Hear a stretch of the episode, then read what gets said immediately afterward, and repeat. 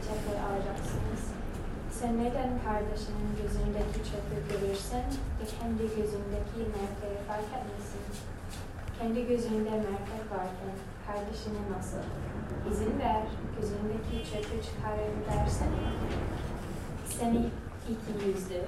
Önce kendi gözündeki merkeği çıkar, o zaman kardeşinin gözündeki çöpü çıkarmak için daha iyi görürsün. Kutsal olanı köpekleri vermeyin. İncilerinizi domuzların önüne atmayın. Yoksa bunlara ayaklarıyla çiğnedikten sonra dönüp size karşılayacaklar.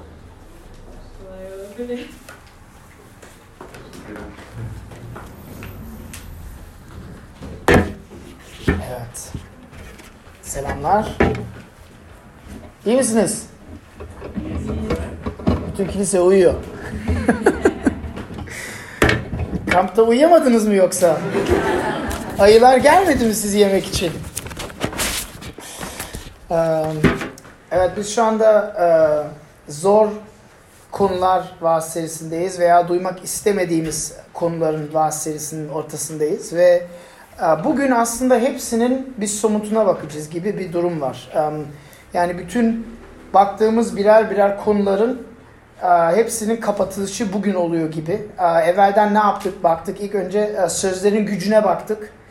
İkinci olarak kavgaların kaynağına baktık. Üçüncü olarak bağışlamanın önemine baktık geçen hafta ve, ve bugün e, konumuz yargılama. Konumuz yargılama ama e, bakmak istediğim başlık sevmenin yolu. Çünkü İsa diyor ki yargılamayın diyor. E, ve sizinden e, bu konuya üç boyuttan bakmak istiyorum. E, üç değişik lensten bakmak istiyorum. Birisi insanın doğası. İkincisi doğaüstü değişim ve üçüncüsü sevmenin yolu. İnsanın doğası, doğaüstü bir değişim ve sevmenin yolu. Biliyorsunuz ben fizikçiyim ve fizikçiler ne yapar, ne sever? Matematik. Beceririz ama sevmeyiz, kullanırız. Aslında deneme, deneyleri severiz biz. Laboratuvarda deney yaparız. Sizden bir deney yapmak istiyorum. 30 saniye, saate bakacağım. 30 saniye boyunca hiçbir şey düşünmeye düşün hiçbir şey düşünmemeye çalışın. Hazır mısınız? 1 2 3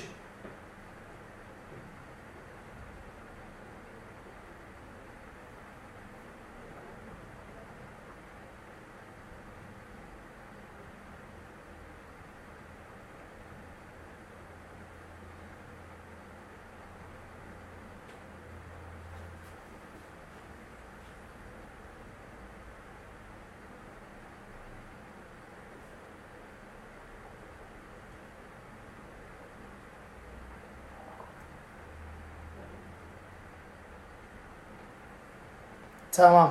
Neler düşündünüz? Sana baktım. Hiç kimse ben bir şey düş birisi var mı? Hiç ben bir şey düşünmeyi başardım, başardım diyen.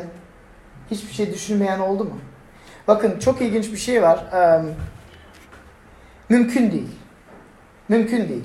Ve e, bu başka bir konu ama e, İsa ilk ayette diyor ki başkasını yargılamayın ki siz de yargılanmayasınız diyor. Ve bu deneyi neden sizinle yaptım? Çünkü bir şey farkına varmanızı istiyorum. Aklımız devamlı çalışıyor.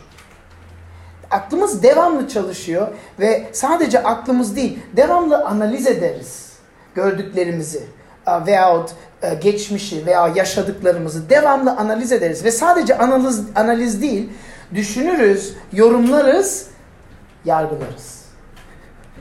Devamlı. Onun için yani bilmiyorum kendi hayatınıza baktığınızda bir yani bir dikkat edin düşünceleriniz neler söylüyor size. Aslında kendi kendimize konuşuyoruz devamlı. Düşüncelerimizi bir karşımızdaki bir ses gibi düşünsek devamlı birbirimizle kendi kendimize konuşuyoruz.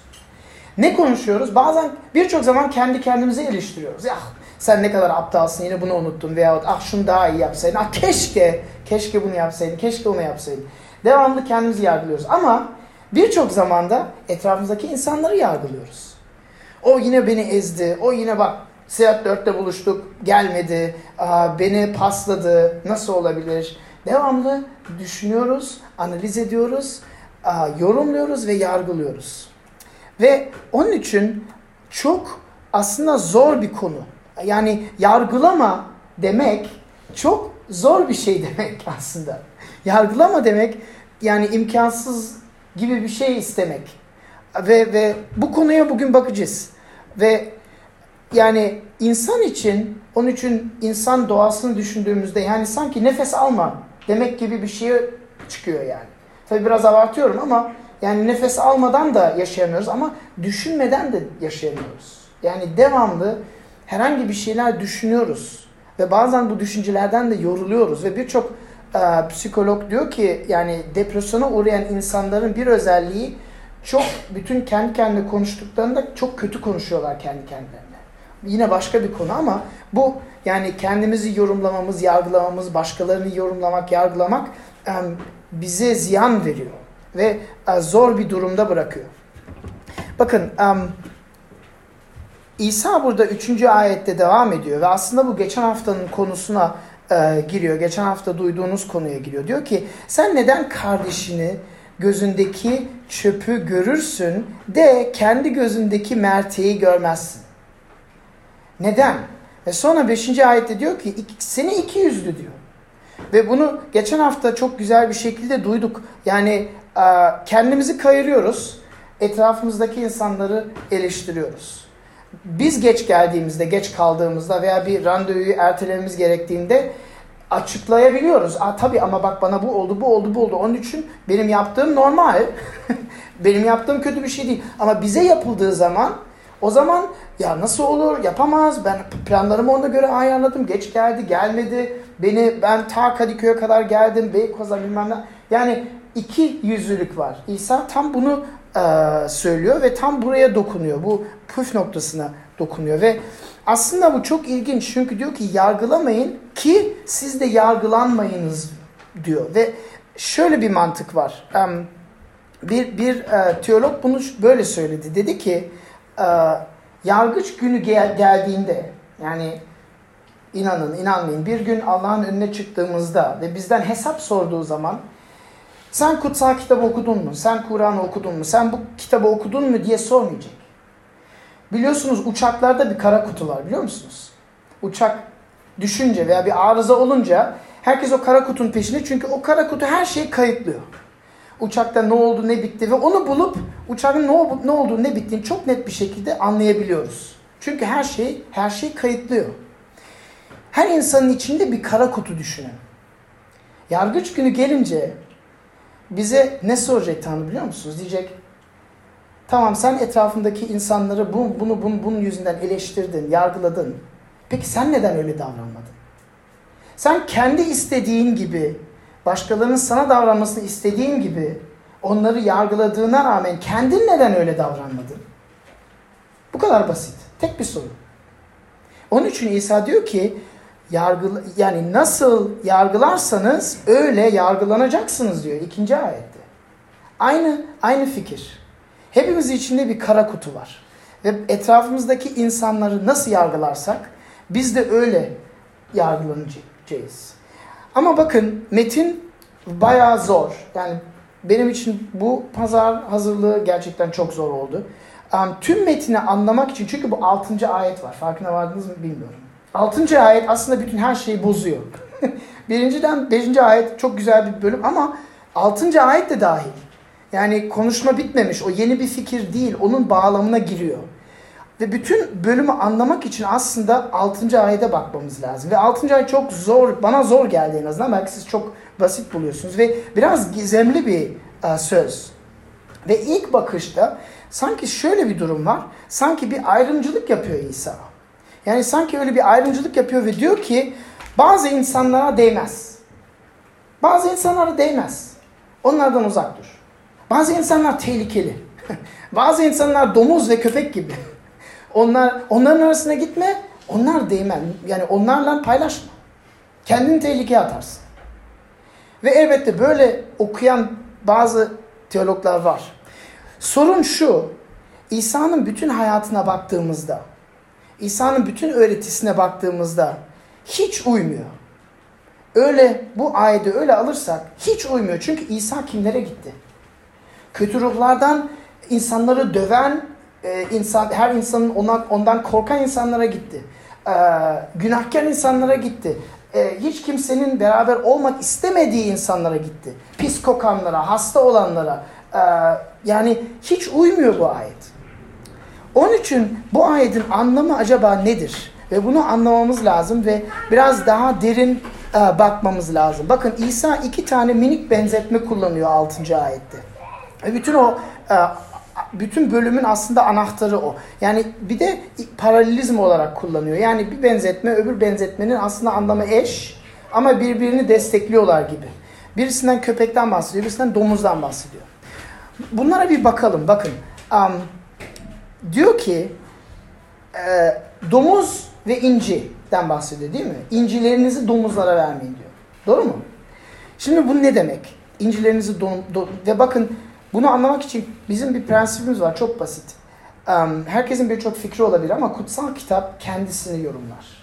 Yani ben burada bunu anlamak istersem İsa'nın başka yerde domuz kelimesini benzetmesini nasıl kullandığına bakmam lazım. Veya inci kelimesini başka yerde nasıl kullandığına bakmam lazım. Aynı imgeyi nasıl kullandığına bakmam lazım. Ve baktığımızda şunu görüyoruz. Köpek ve domuz nedir? Basit değil mi? Hayvanlar. Yani ve burada yani köpek ve domuzun özelliklerini bile verilmiyor. Sadece domuz ve köpekten bahsediyor. Peki köpek ve domuz nedir? Hayvanlardır ve onların doğasına göre davranırlar. Yani İsa burada bir eleştiri yapmıyor. Sadece diyor ki domuz böyle yaratılmıştır diyor. Ve domuz böyle davranır. Ve köpek böyle yaratılmıştır ve böyle davranır diyor. Ee, yani doğasının içinde davran, normal diyor. Ve um, İncil'e baktı, İnci'ye baktığımızda inci nedir? Başka yerde görüyoruz ki Mata 13'te özellikle Rabbin egemenliğini imgeleyen, simgeleyen bir şey. Rabbin egemenliğini veya İsa'nın müjdesini veyahut sonsuz hayatı e, bize gösteren bir şey. Peki şimdi domuz ve inciyi birbirine getirmeye çalışalım. Domuzun doğası ne ister? Bir domuzu mutlu etmek için ne yapmanız lazım? Çöp ver. Ne? Çöp ver ona. Çöp ver ona. Domuz ne istiyor? Yem istiyor. Karnını doyurmak istiyor. E bu kötü bir şey değil. Domuzun doğası bu. Domuz yem istiyor. Mısır kabuklarını istiyor. Herhangi bir şeylerini istiyor. Tamam. Peki domuza inci verirsek ne olur? He bir düşünün. Sizden yemek istiyor, mama istiyor, karnı aç. Siz ona inci veriyorsunuz. Ne yapar? Hazmedemez. Yani çiğner. Bu ne ya? Bunu, bu yem değil. Tükürür atar ve sana belki kızar. İsa onu diyor. E, sana kızar bana neden böyle saçmalık veriyorsun diye kızar. Ve e, çok yani aslında yani kötü bir şey bile değil. Yani e, doğasının içerisinde e, davranıyor. Çünkü inciyi hazmedemiyor. E, inciyi çiğneyemiyor. Onun için e, yani öyle davranıyor. Ve bundan ötürü bir domuz incinin değerini kavrayamaz. Bir incinin değerini kavrayamaz. Ve yani doğası nedir? Karnını doyurmaktır. Ya bir, bir domuzun hayat amacı nedir? Gayreti nedir? daha besli bir domuz olmak, daha beslenmiş bir domuz olmak, daha güçlü bir domuz olmak, daha büyük bir domuz olmak. Ee, ki biz kesip yiyelim veya başkaları kesip yiyelim bilmiyorum. Ama yani domuzun bütün amacı odur yani. Domuzun bütün amacı odur. Ve bu kötü bir şey de değil. Ya İsa burada kötü domuz veya vahşi domuzdan bahsetmiyor. Domuzun hayattaki amaç budur. Daha büyük, daha beslenmiş, daha güçlü bir hayvan olmak. Ve inciyi bu açıdan bakıyor.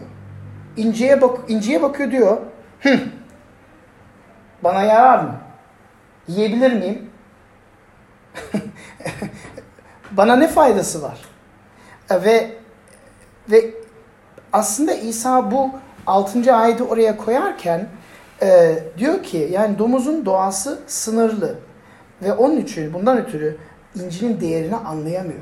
İncinin güzelliğini anlayamıyor. Ve çiğneyemiyor, hazmedemiyor, ağır geliyor. Peki bizler, bizleri bir düşünelim. Ben ilk müjdeyi duyduğumda dedim ya bu ne saçmalık. Bu ne saç? Buna nasıl inanırsın? Ne kadar büyük bir saçmalık. Zamanın ya bu faydalı mı? Karnımı doyurur mu? Beni mutlu eder mi? Anlıyor musunuz? İsa'nın burada vurgulamak istediği başka bir gerçek var. Um, biz o inciye bakıyoruz ve diyoruz ki bana ne faydası var? Karnımı doyurur mu? Beni mutlu eder mi? Onu kullanabilir miyim? Ama bakın bunu yaptığımızda Allah'ı sadece bir araç olarak kullanmak istiyoruz. Ta kendisini istemiyoruz. Veya Tanrı'nın egemenliğini bir araç olarak kullanmak istiyoruz. İsa'yı bir araç olarak kullanmak. Asıl onu istemiyoruz. Onu, onu kullanıp başka bir şey elde etmek istiyoruz.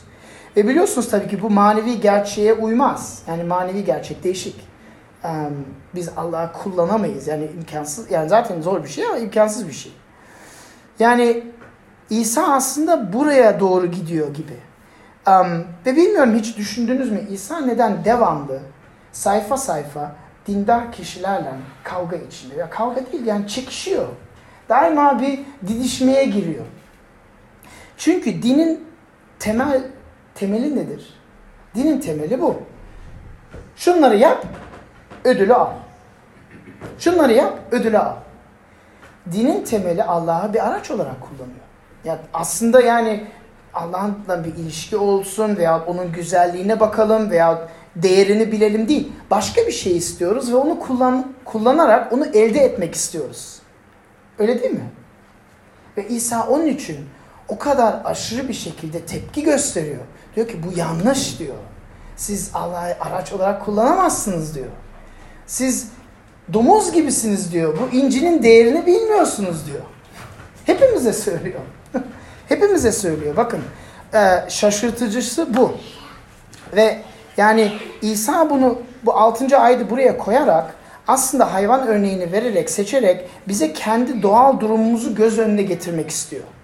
Burada İsa sadece bazı insanlar çok tehlikeli, bazı insanlar değer değmez, bazı insanlardan dikkat edin değil. Aslında burada bütün insanların manevi gerçeğini göz önüne getiriyor. Bütün insanların manevi gerçeğini göz önüne getiriyor. Ve yani kavrayamıyoruz. Doğal bir şekilde müjdeyi kavrayamıyoruz. Doğal bir şekilde. Tanrı yardım etmezse, kutsallık yardım etmezse saçmalık geliyor bize. Biz, bu faydalı değil, bunu yiyemiyorum. At gitsin. Sen bana neden bunu veriyorsun? Bakın Paulus bunu çok aşırı ciddi bir şekilde söyledi. Efeslilerin mektubun ikinci bölümünde diyor ki, birinci ve üçüncü ayetten kullanıyorum. Diyor ki sizler de, bakın kiliseye yazıyor. Sizler de bir zamanlar suçlardan ve günahlardan ötürü ölüydünüz. Ölüydünüz. Doğal olarak biz de gazap çocuklarıydık diyor. Ya gazap çocuklarıydık diyor. Ya çok ağır kelimeler kullanıyor. Yani manevi yönden ölümdük. Ya ölüydük yani, kördük. O incinin değerini elbette bilmiyorduk. Bilemiyorduk. Bundan dolayı İsa hepimizi hatırlatmak istiyor. Hayatımızdaki olan bir doğaüstü değişim gerekir bize. Hepimizde bir doğaüstü değişim gerekir. Hepimiz derinden değişmemiz lazım. Aksi takdirde ilk beş ayeti uygulamakta zorluk çekeriz değil. İlk beş ayeti uygulamayız. İm, imkansız onları uygulamak. İmkansız. Peki nasıl yapacağız bunu? İsa'nın güzelliğini anlamamız lazım ve İsa'nın değerini bilmemiz lazım. Gelelim ikinci e, boyuta bu konunun doğaüstü değişim. Bakın Mata'dan bahsettim. E, Maka'nın Mata bölümün ilerisinde 13. bölümde e, İsa başka bir benzetme anlatıyor. Bir çobandan bahsediyor. O bir tarlaya gidiyor ve tarlada bir inci buluyor. Ve bu inciyi o kadar güzel buluyor ki, o kadar değerli buluyor ki her şeyini satıyor. Malının her şeyini satıyor ki o inciyi alabilmek için. Bakın incinin faydasından bahsetmiyor. İncinin onu mutlu edeceğinden veya inci onun için yararlı olacağından bahsetmiyor. İnciden inciyi o kadar değerli, o kadar güzel buluyor ki tadını tadına bakıyor ve o kadar güzel buluyor ki her şeyini satıyor. Ve bu noktaya gelmemiz lazım. İsa'nı bir araç olarak değil, hayatımızdaki en kıymetli ve en güzel şey olarak görmemiz lazım. İsa bunu söylüyor. Ben yani bu metnin akışına baktığımızda, bağlamına baktığımızda bu noktaya iniyor İsa. Peki bunu nasıl anlayabiliriz? Yani İsa'nın değerini, güzelliğini nasıl anlayabiliriz? Bakın, geleceğe değil, yani geleceğe değil, geçmişe bakarak. Geleceğe değil, aa İsa ben bir araba istiyorum, iş istiyorum, bunu istiyorum, mutluluk istiyorum, sağlık istiyorum. Bunları bana verecek misin? Tamam. O zaman buyruklarını tutarım. Hayır. Geçmişe bakarak sen geçmişte benim için ne yaptın?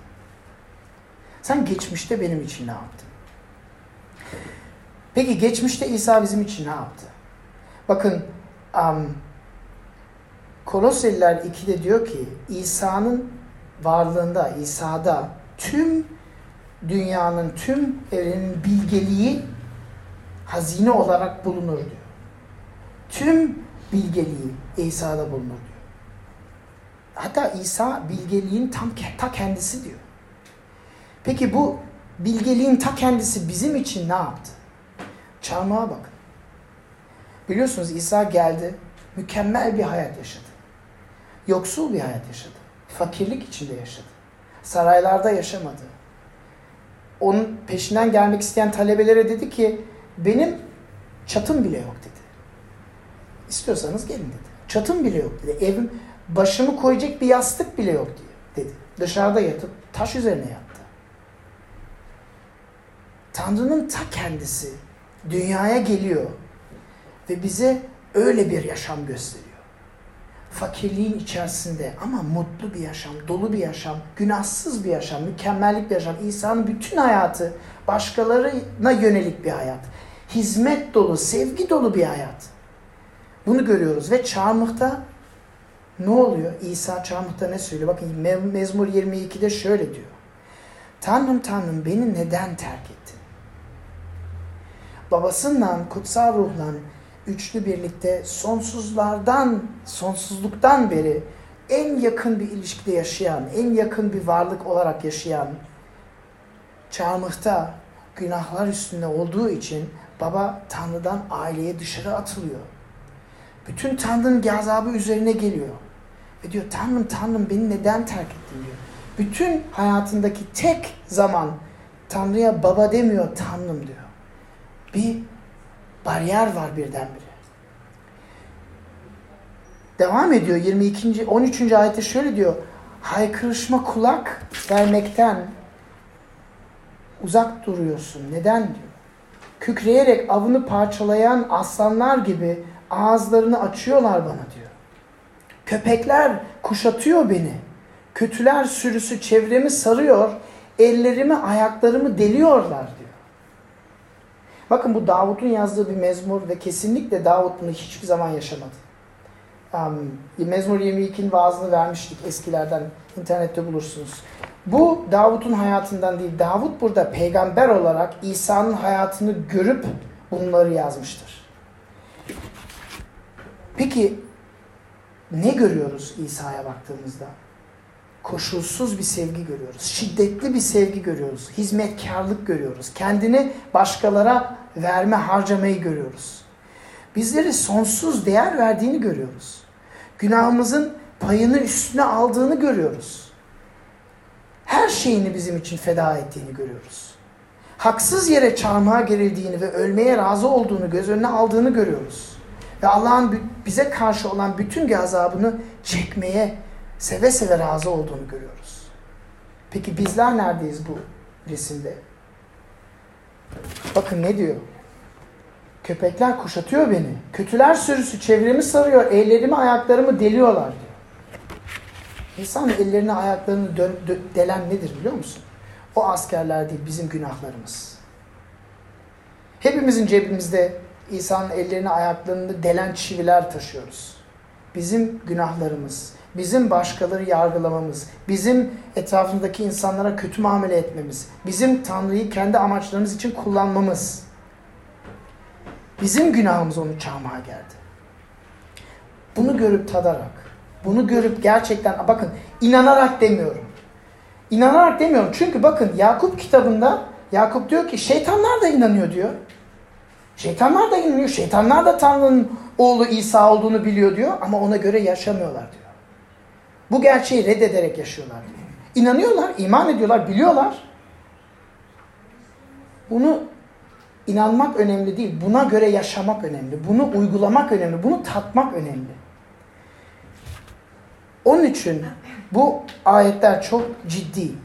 Bizler İsa'nın benzetmesindeki köpekler ve domuzlar gibiyiz. Affedersiniz. Biliyorum bu çok acı bir gerçek. Ve tadarak derinden değişime kavuşabiliriz. İsa'nın güzelliğini, İsa'nın sevgisini, İsa'nın fedakarlığını, İsa'nın hizmetkarlığını tadarak, ona değer vererek doğaüstü bir değişime kavuşabiliriz. O zaman İsa'nın bize ne faydası var diye başka soruya dönürüz. İsa ne kadar güzel ve ne kadar değerli sorusuna dönürüz. Ve değişiriz. Domuzdan başka bir varlığa değişiriz. Ve bakın bu ağır gerçekler. Kolay değil. Hayattaki en temel isteklerimiz İsa'daysa gerçekten özgür bir yaşam yaşayabiliriz. Ama herhangi başka bir şeydeyse, hayatımızın merkezi, değerini başka bir şeyde aradığımız zaman bunlar iyi şeylerde olabilir. Ee, arkadaşlık, kariyer, iş, para, ev, evlilik, çocuk her şey olabilir. O zaman bu şeylerin kölesiniz. Bu şeylerin köleleriyiz. Ve adalarda baktığımız konu aslında putların konusu. Hangi puta tapıyoruz? Başarı putuna mı, konfor putuna mı, kontrol putuna mı, onay putuna mı yoksa gerçekten İsa'yı hayatımızın merkezine mi dönüştürüyoruz?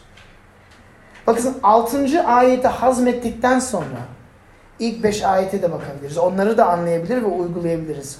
Son boyutuma geliyorum. Um, üçüncü boyut. Um, sevmenin yolu. Sevmenin yolu. Bunu nasıl yapabiliriz? Bakın üçüncü ayette diyor ki kardeşinin gözündeki çöpü Nasıl çıkarmayı? Yani sen neden kardeşin gözündeki çöpü görürsün de kendi gözündeki merteği fark, et, fark etmezsin diyor. Ve bakın burada şunu sormak lazım. Peki ne yapalım? Karşımızdaki çöp bir illüzyon mu? Gerçek değil mi? Önemli değil mi? Bakın elbette önemli. İsa önemsiz demiyor. İsa hiç dokunmayın demiyor. Ama diyor ki önce kendi gözünüz, kendi kafanızdaki merteği çıkartın diyor. Bu, bu farklı. 6. ayda hazmettikten sonra bu önemli noktaya dokunmamız lazım. Ve bunu bir ameliyat olarak görün. Karşımızdakinin gözünde bir e, çöpü var. Bunu ameliyat olarak görün. Yani ne yapacaksınız? Bakın Taylan'ın yakında belki bir ameliyatı olması lazım. Kulağında bir e, iltihaplanma var. Çocuklarımızı, değerli insanlarımızı ameliyat eden doktoru iyi bilmek isteriz değil mi? Daha yeni mi doktor oldun? Kaç tane ameliyat yaptın? Oo, hiç. İlk ameliyat. Gözün iyi görüyor mu? Çok yaşlı, elin biraz titriyor mu? Ya kaliteli bir cerrah istiyoruz değil mi? Kaliteli, kabiliyetli bir cerrah istiyoruz. Bakın İsa aynı noktaya dokunuyor. Diyor ki kör cerrah, cerraha itimat eder misin? Kör bir cerraha itimat eder misin? Hadi gel ameliyat et. Aa, görmüyorsun fark etmez. Ya bıçağı ya oraya vurursun ya buraya vurursun. Hiç fark etmez. Ha, artık kısmet. Öyle miyiz? Hayır. Hayır. Ya kabiliyetli ve kaliteli ve göz gören bir cerrah istiyoruz değil mi? Bakın sevgi dolu ve dürüst. Bakın ilk vaazlara geri gidiyoruz. Kelamın gücüne baktık. Siz bir insanı insandaki bir eksikliği gördüğünüzde kelamlarla, kelimelerle onu doğru yola yönetmek istediğinizde bunu, onu acıtarak değil, onu severek yapmanız lazım bu işi. Dedik sadece dürüst olmak yani değil, eksik. Dürüst ve sevgi dolu olmamız lazım. Dürüst ve sevgi dolu. Peki bu bizim için ne demek? Bakın. Bir insana nasıl yardım edebiliriz?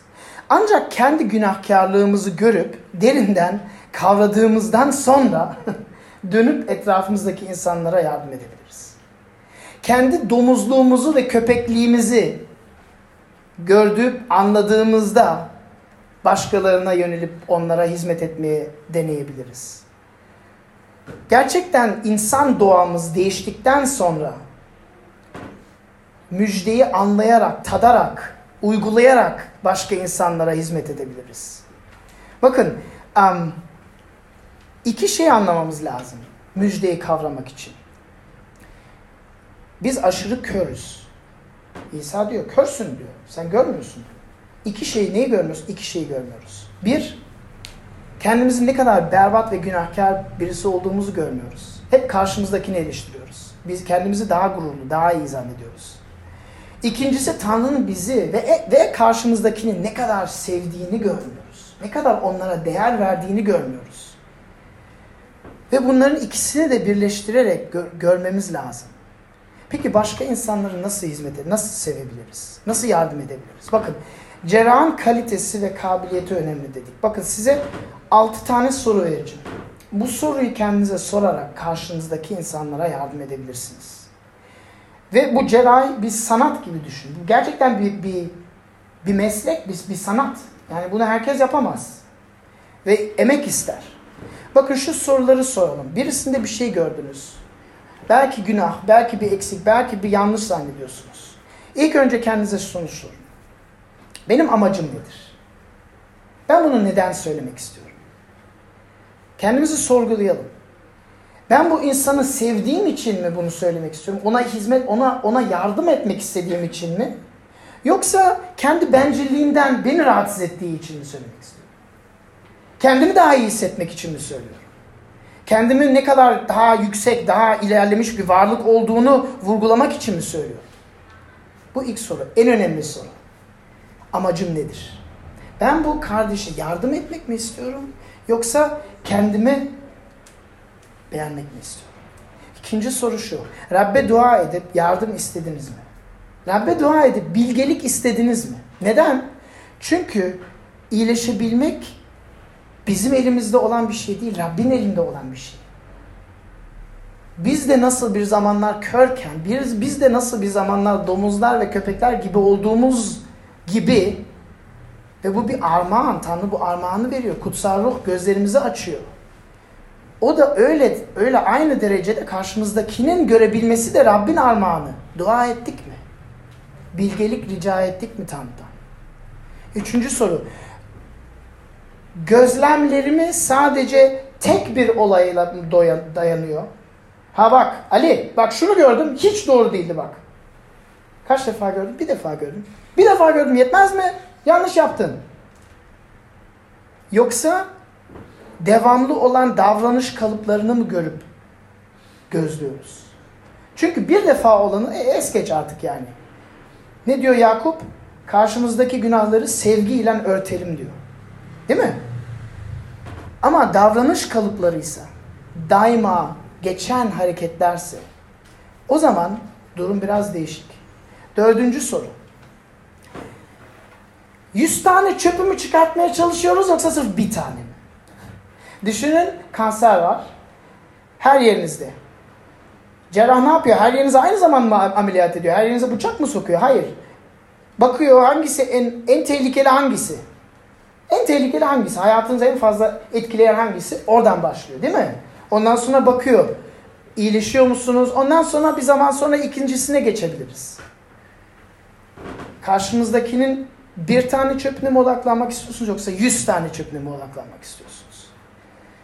Beş, ameliyat ederken karşınızdaki insanı mümkün olarak en küçük kesik, en küçük acı vermeye dikkat ediyor musunuz? Biliyorsunuz bir doktor ameliyat ederken en yani ne kadar küçük keserse o kadar iyi değil mi? Yani tıbbın gelişmesi buna dayanır biraz. Eskiden karnımızı yarıyorlardı. Şimdi üç tane nokta yapıyorlar. İşte apendis çıkartıyorlar. Mesela. Karşımızdakinin en mümkün oldukça en az acı çekmesine dikkat ediyor muyuz? Ameliyat ederken. Ve son sorunuz, son sorun. Gördükleriniz ve paylaştıklarınızı varsayım olarak mı görüyorsunuz yoksa sadece bir gözlem olarak teklif mi ediyorsunuz? Bak ben bunu gördüm. Bak kesin böyle yaptım. Bak bu bir günah. Dönmen lazım, tövbe etmen lazım. Bu doğru değil. Rabbim peygamberi konuştu. Yoksa ya bak birkaç aydır benim aklıma şu takılıyor. Acaba sen ne diyorsun buna? Ha, benim gördüğüme göre bunlar, ya bunları gör, belki de yanlış görmüşümdür. Emin değilim. Sen ne diyorsun bunlara? Alçak gönüllü olmamız lazım. Nasılsınız? İyi misiniz? Şimdi bugünden sonra hepiniz cerrah ustası oldunuz değil mi? Tamam. Ameliyata hazır. Bıçaklarınızı e, hazır tutun. Bakın insanlara hizmet etmek çok önemli bir şey. İsa bunu burada vurguluyor. Ama diyor ki önce gözümüzdeki merteği çıkartalım diyor. Önce kendimizi doğru görelim diyor. Kendimizi başkalarından kıyaslayıp iyi hissetmeyelim. Kendimizi İsa'la kıyaslayalım diyor. Ki müjdeyi anlayalım diyor.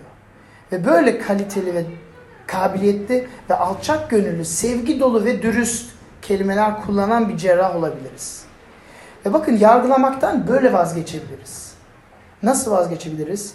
Gerçekten karşımızdaki insanı severek, onunla bir ilişki kurarak, onun yanında yürürek, yürüyerek, kendimizi ondan daha iyi sayarak değil, onun derek ben de bunlardan zorluk çekiyorum. Bak ben de buradan zor. Bel- belki sen belki senin de gözettiğin bir şey vardı. Benim hayatımda belki bir şey gördün. Lütfen paylaş. Ve burada bu da iki yönlü bir şey olduğunu görüyoruz. Sadece tek yön değil. Bizlere birisi geldiğinde ve sevgi dolu bir gerçek söylediğinde biz nasıl davranıyoruz? Domuz gibi mi davranıyoruz? Ezip geçiyor muyuz? Yoksa dinliyor muyuz? Kulağımızı asıyor muyuz? Öğrenmeye hazır mıyız? Dua edelim etrafımızdaki insanlara Tanrı'nın gerçeğini, Tanrı'nın sevgisini anlayarak, tadarak, uygulayarak gerçekten hizmet etmeyi öğrenelim. Rab sana şükrediyoruz. Bu a, bayağı zor metni verdin a, ve bayağı bu altıncı ayet bayağı a, ilginç bir ayet ve am, ama gerçekten bize dokunmak istiyorsun, bizi am, cerrah ustalarını yapmak istiyorsun ki etrafımızdaki insanları severek, a, onları a, sayarak onlara hizmet edebilelim diye. Hepimizi, hepimizin yüreklerini hazır et ve bu senin verdiğin prensiplerini uygulayarak etrafımızdaki insanlara hizmet edebilelim diye dua ediyorum. Amin.